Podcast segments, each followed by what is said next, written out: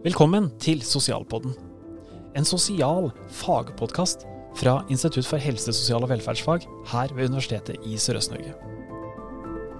Velkommen til eh, dagens episode i Sosialpodden. I dag skal vi prate om sosialt entreprenørskap, og vi stiller dere veldig åpne spørsmål. Hva i alle dager er greia med sosialt entreprenørskap? Det lille spørsmålet det er kanskje ikke et lite spørsmål, men vi skal prøve å besvare det i løpet av 20 minutter. Og med oss i studio i dag så har vi med oss eh, Lars eh, Kobro. Du kan introdusere deg selv eh, litt kort, og så kan du gjerne si noen ord om hva var det liksom den første entreprenørielle tanken du hadde, ideen, et eller annet om det? Ja, Eh, takk for det. Eh, jeg snakker gjerne om eh, sosialt entreprenørskap. Og som du antyder, rent lingvistisk, språklig, så er det et lite spørsmål. Men faglig så er det et svært spørsmål, Steinar Wickholt. Men heldigvis så trenger vi jo ikke gjøre det unna på en sånn eh, NRK-sk 40 eh, sekunder. Ehm, så vi får bruke litt tid å gå rundt det begrepet og det fenomenet. Eh, jeg jobber på USN med å lede et senter for sosialt entreprenørskap. Eh, vi har sett fra Universitetet i Sørøst-Norges eh, posisjon at det er mye snakk om, men relativt moderat kunnskap om sosialt entreprenørskap. Og Vi kan jo ikke som et universitet leve med at et begrep bare blir et motebegrep. og og liksom tidens melodi, uten at man har noe innhold og, har sett litt på, på, teksten i den melodien. Og sosialt entreprenørskap er på en måte blitt en litt sånn en liten motemelodi som man går og nynner på rundt omkring i, på storting og i direktorater og departementer og i mange kommuner og fylkeskommuner osv. Så, videre. så dette senteret, da, SESAM, som står for noe så komplisert som Senter for sosialt entreprenørskap og sosial innovasjon, det har vi da satt eh, inn i dette universitetet for å skjønne litt mer av, og hjelpe andre til å skjønne litt mer av hva sosialt entreprenørskap er. Det, det liksom, og det senteret leder du? Det leder jeg. Der var sjefen over alle sjefer på CESA. Ja, men, eh, nå er det bare én sjef på CESAM, så det er ikke vanskelig å være sjef over alle sjefer der. Men eh, takk skal du ha likevel.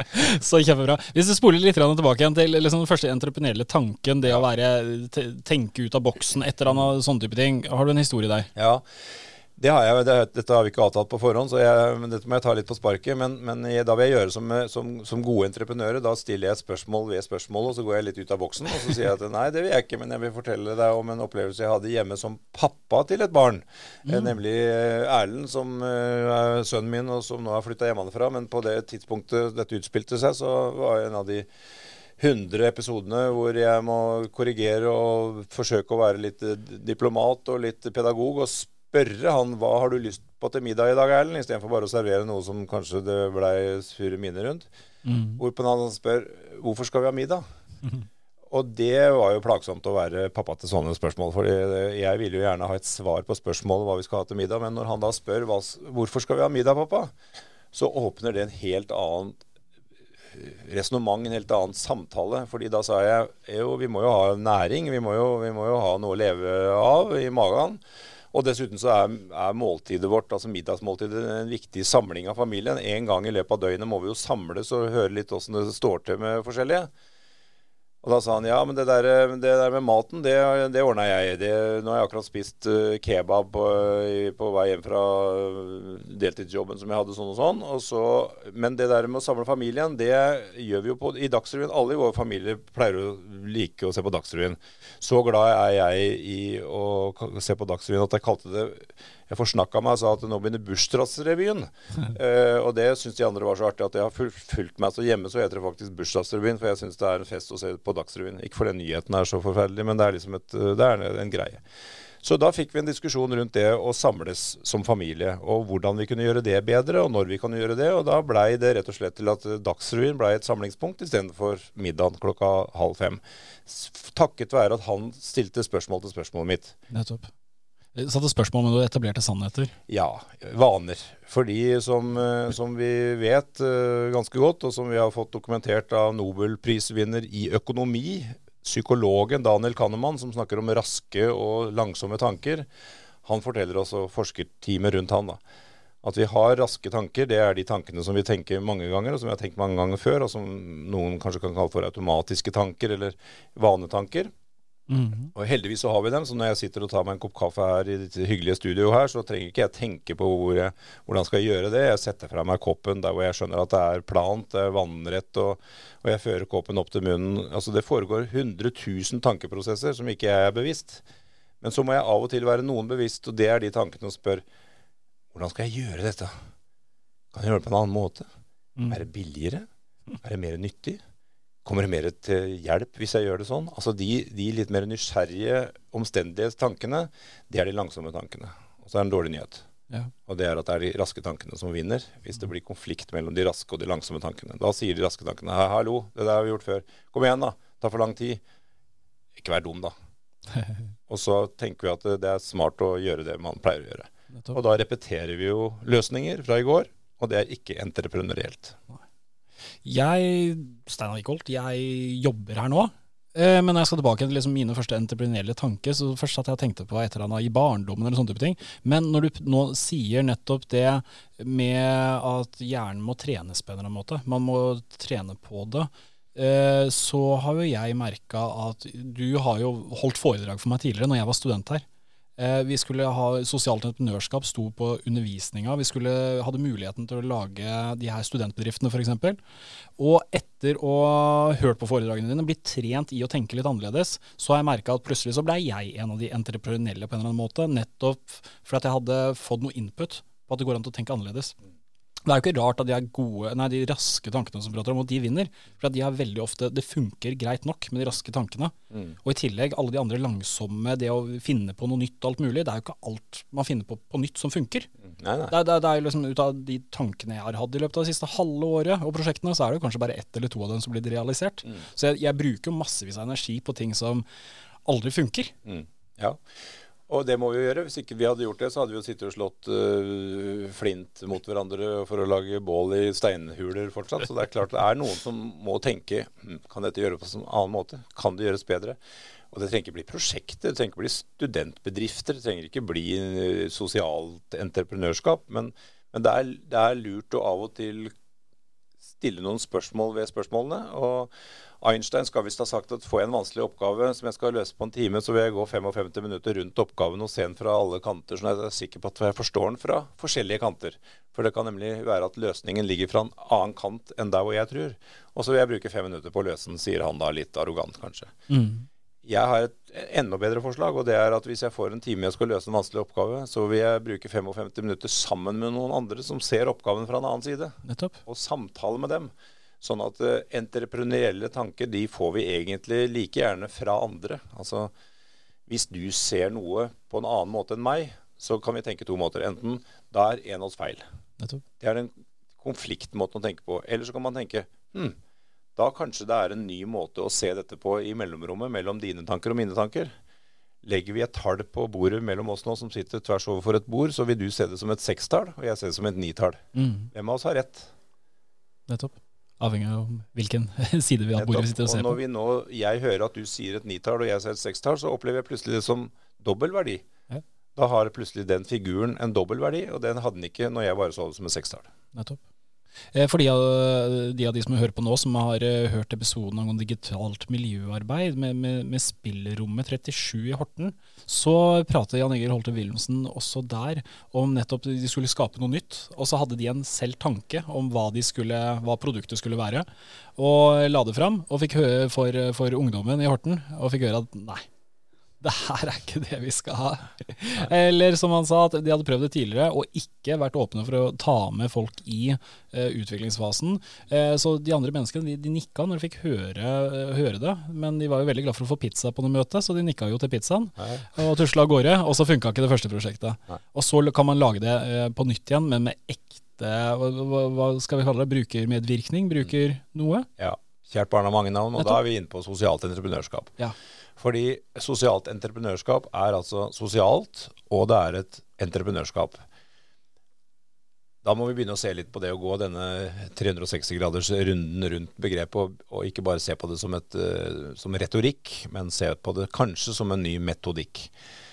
Eh, Det første er da at det er sosialt. Eh, det skaper en sosial verdi eh, for noen. Eh, så når vi på norsk snakker om sosialt entreprenørskap, så er det litt smalere enn det man kanskje kan kalle for samfunnsentreprenørskap. Det betyr at hvis man finner på en ny måte å rense plast i havet, så er det bra for fiskere og hvaler og alt mulig, men det er liksom ikke noen målgruppe som vi tenker en sosial målgruppe. Så når vi i hvert fall i CESAM og Universitetet i Sørøst-Norge snakker om sosialt entreprenørskap, så skal det være en sosial verdi for en, en identifisert målgruppe. Eh, det skal hindre utenforskap eller reparere utenforskap eller eh, skape bedre levekår for eh, eldre med demens eller syriske kvinner eller uh, autister eller mm, rødhåra keivhendte fotballsparkere fra indre østlandsområde eller et eller annet. Skal, vi skal altså finne ut av hvem, hvilke personer, og da ofte tenker man jo i segmenter eller målgrupper, som, som, som har en, en, en livsbetingelse eller, eller, forhold i livet som som har uh, utilfredsstillende løsninger, eller rett og slett ikke løsninger i dag. Mind the gap står det på alle T-banestasjoner i London. Og det, og det, er en del gap også i det norske velferdssamfunnet. Det er noen som faller innimellom eller bortimellom eller utafor. Eh, og et, en sosial verdi, det handler altså om å skape eh, løsninger for disse. Det er det første. Ja. Og det andre må vi nesten ta i samme, samme innlegget her. Gjør det. Eh, og det handler om at det er en sosial verdi som er ny. Eh, det er, skapt noe som ikke var der før. Eh, så det entreprenørielle det er at det er en ny løsning. Så det at det skaper verdi, det gjør vi jo hver dag. Nav gjør det hver dag, mange kommuner gjør det hver dag, helseinstitusjoner.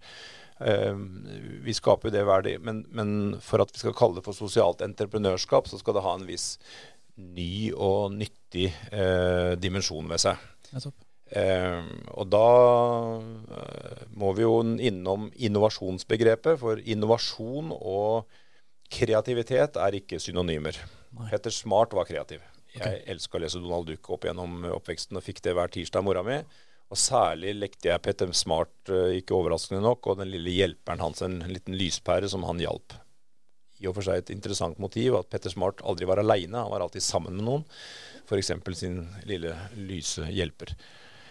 Eh, så eh, det er sånn at eh, han er en oppfinner. Eh, Reodor Felgen eh, var en oppfinner, eh, og det å være oppfinner det er ikke det samme som å være en entreprenør. For skal det bli en entreprenør, så må det bli noe som settes i produksjon, det som settes i bruk, noe som blir nyttiggjort. Og det var altså ikke alle de snakkende brødristerne eller løpende postkassene til Petter Smart som viste seg å være så nyttige. For når jeg fikk Donald Duck neste tirsdag, så var de borte. Da var det ikke noen løpende postkasser i Aneby. Så eh, nyttiggjøringa, altså den siste fasen av eh, innovasjonen eller oppfinnelsen, er det viktige i det sosiale entreprenørskapet. Eh, det skal være nyttig og bli nyttiggjort, settes i produksjon eller i bruk i en systematikk, i en praksis, for noen som har et identifisert problem eller behov i velferdssamfunnet. Det ble et langt innlegg, men det var altså to ting som vi tok med oss på kjøpet der. Sosialt verdi og nytt og nyttiggjort. Altså entreprenørielt. Entreprenørielt. Av og til når jeg hører sånne begreper sånn entreprenørielt eh, som jeg nesten ikke klarer å si på Nei, en god måte Du får ti studiepoeng hvis du greier å si det uten å tenke deg om. ja, men Det høres litt ut som ja, fremoverlent, eh, innovativ. Eh, det, det, er jo egentlig sånne stillingsannonser overalt. Det har jo de her type ordene, liksom. Eh, man, man, skal være med før toget har gått, så man ikke står igjen på perrongen osv. Eh, har du noen tanker rundt det, bare før vi går videre med det entreprenørielle begrepet? Ja, jeg, jeg begynte som prosjektleder i i et bygdeutviklingsprosjekt på 90-tallet, eller begynnelsen av 90-tallet. Og da tenkte jeg ordet prosjekt, det må vel gå ut av. Altså Det er et, motor, det er et motord. Det har ikke gått ut av. Altså Det er noe med at verden går framover og utvikler seg. Ikke alltid til det bedre. Oftest til det bedre, det må vi få lov til å si. Og da oppstår noen nyord. Ja. Eh, og eh, entreprenørskap Altså entreprenører har jo gravemaskiner, eh, men det er jo vei- og bygningsentreprenører. Og dette entreprenøre, entreprenere, det er et gammelt eh, selvfølgelig gresk-latinsk ord, eh, og det betyr å skape noe nytt. Og nå er vi i en tid hvor vi driver og skaper veldig mye nytt. Altså hvis både innenfor det digitale, det grønne skiftet, sosial eh, innovasjon eller noe nytt eh, som virker på nye måter innenfor dette store vesenet av en velferdsstat.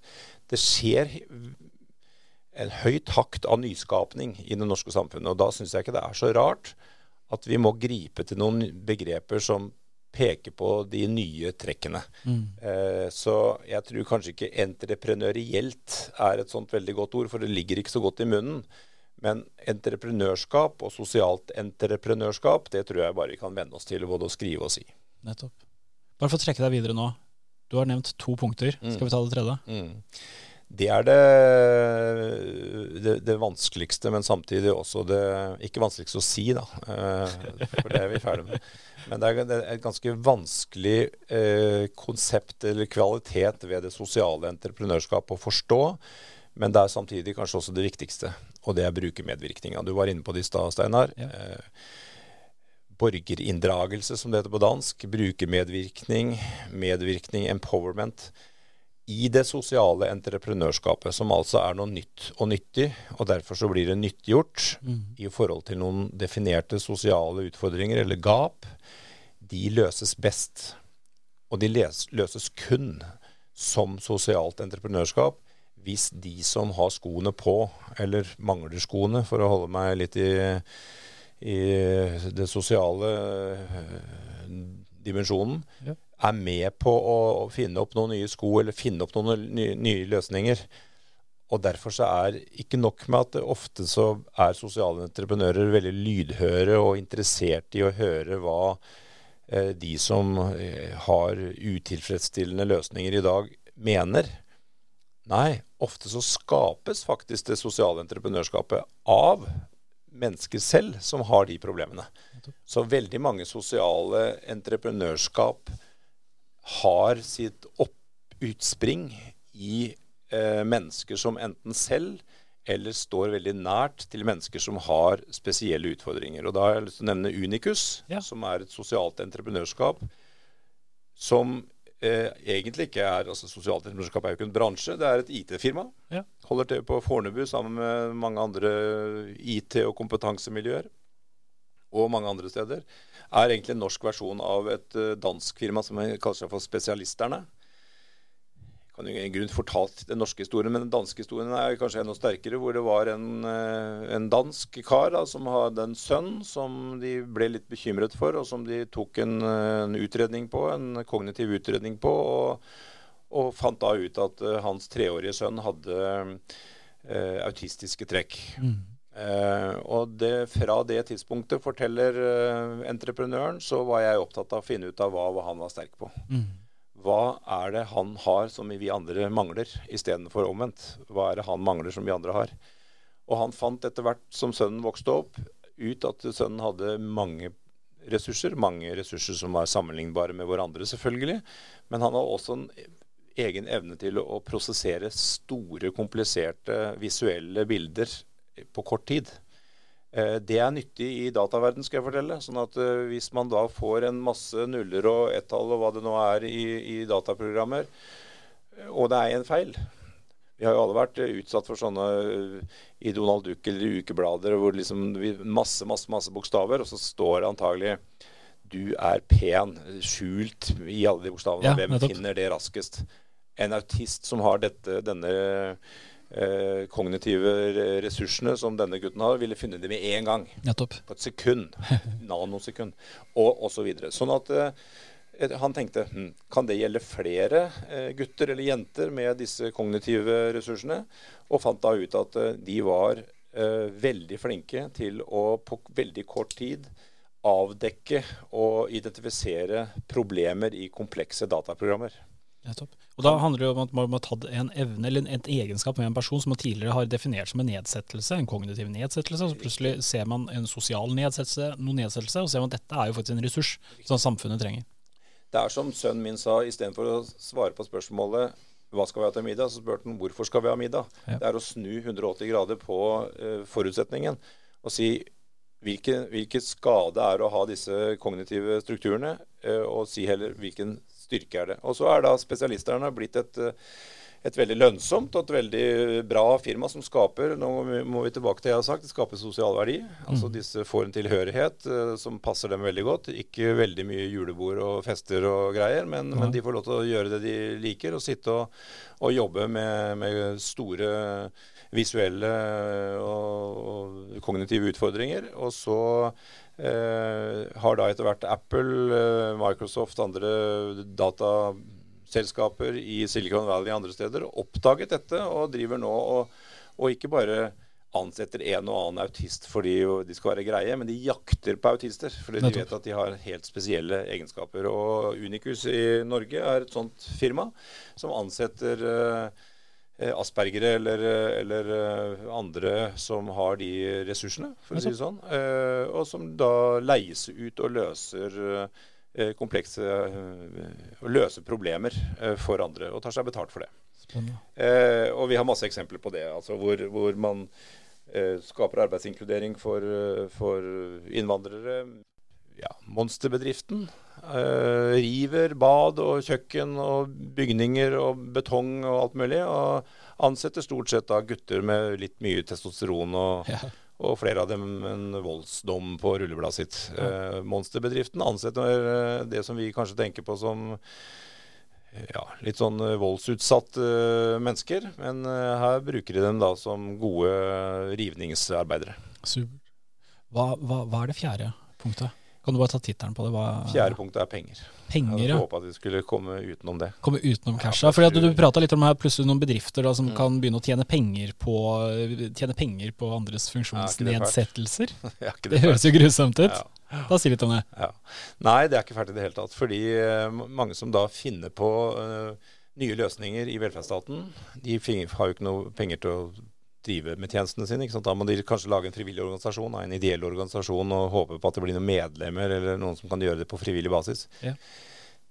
Da kan jeg avsløre for deg at frivilligheten i Norge er litt i, i omstilling. Det er ikke, det er ikke, vi, vi, gjør ikke mindre frivillig arbeid, men vi gjør det mindre i forpliktende frivillige organisasjoner.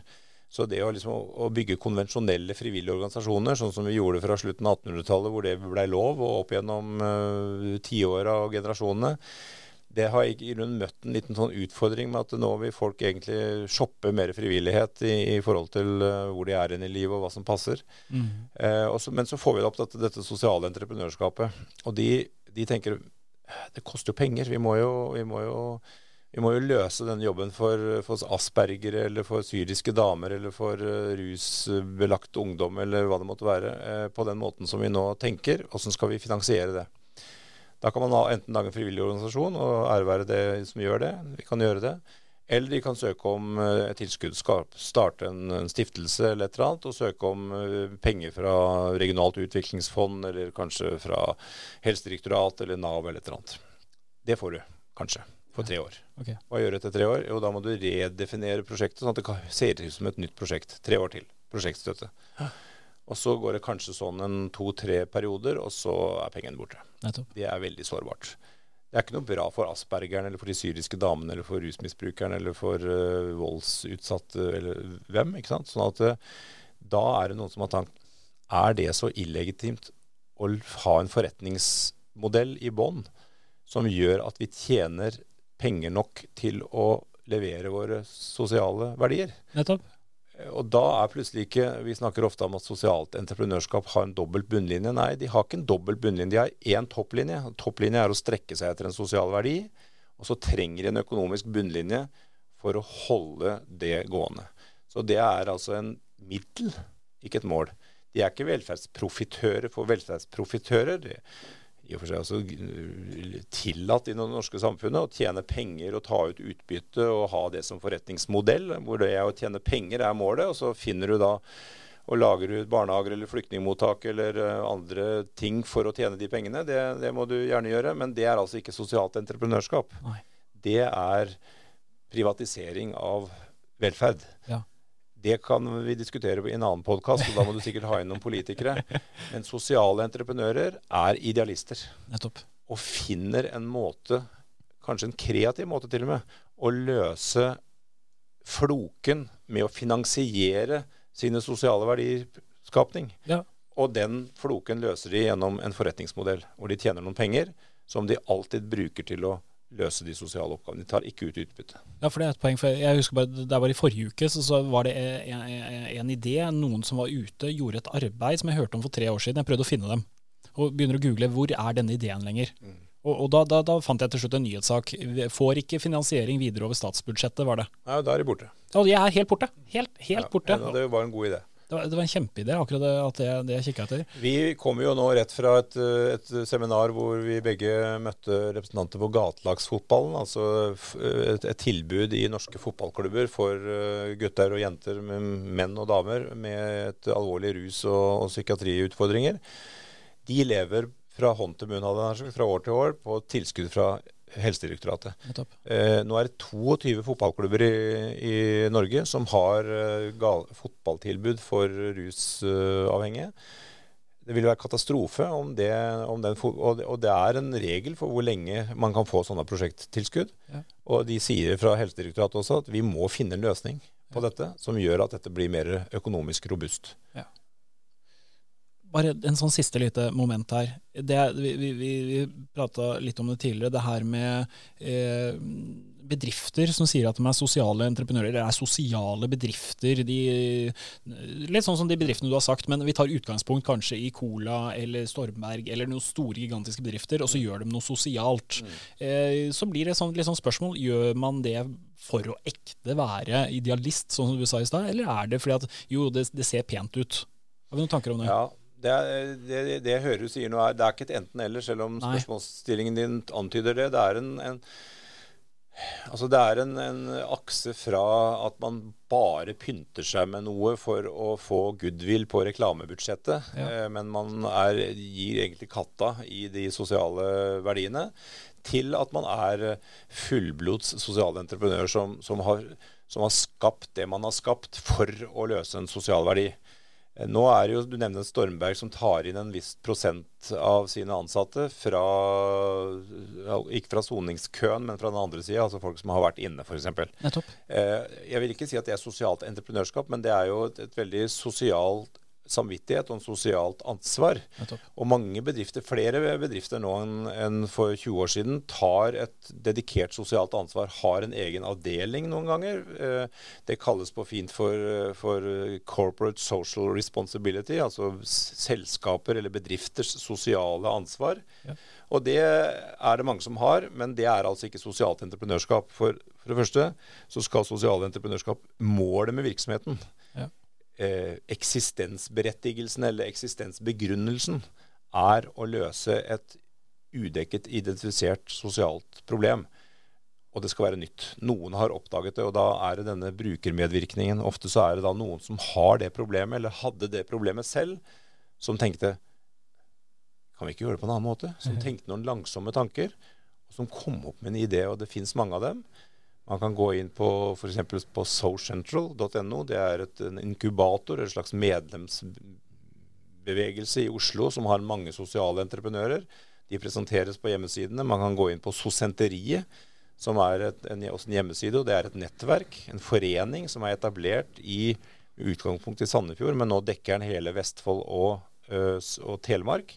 for å understøtte og skape litt fellesskap, litt, litt flokkidentitet blant sosiale entreprenører i vår landsdel. Altså Vestfold og Telemark. Og Buskerud får ha meg unnskyldt, men, men, jeg kjenner ikke til noe nettverk for sosiale entreprenører i Buskerud i øyeblikket. Det kan godt hende det finnes. Men hvis, hvis vi kommer til de nærmeste åra til å ses mer og mer både av enkeltsosialentreprenører, altså noe som skaper sosial verdi på en ny måte, med bruk av de som eier problemet, inn i både definisjonen og produksjonen av den sosiale verdien, med en forretningsmodell i bånn som gjør det mer robuste på lang sikt enn om de må søke om prosjekttilskudd eller medlemsbidrag eh, sånn fra hånd til munn fra år til år. Så vi får bare forberede oss på å forstå, og kanskje til og med etter hvert både samarbeide med og hva vet jeg, arbeide innenfor sosialt entreprenørskap. Det høres ut som en fin avslutning på denne episoden. Tusen takk, Lars, for at du delte kunnskapen. Takk selv.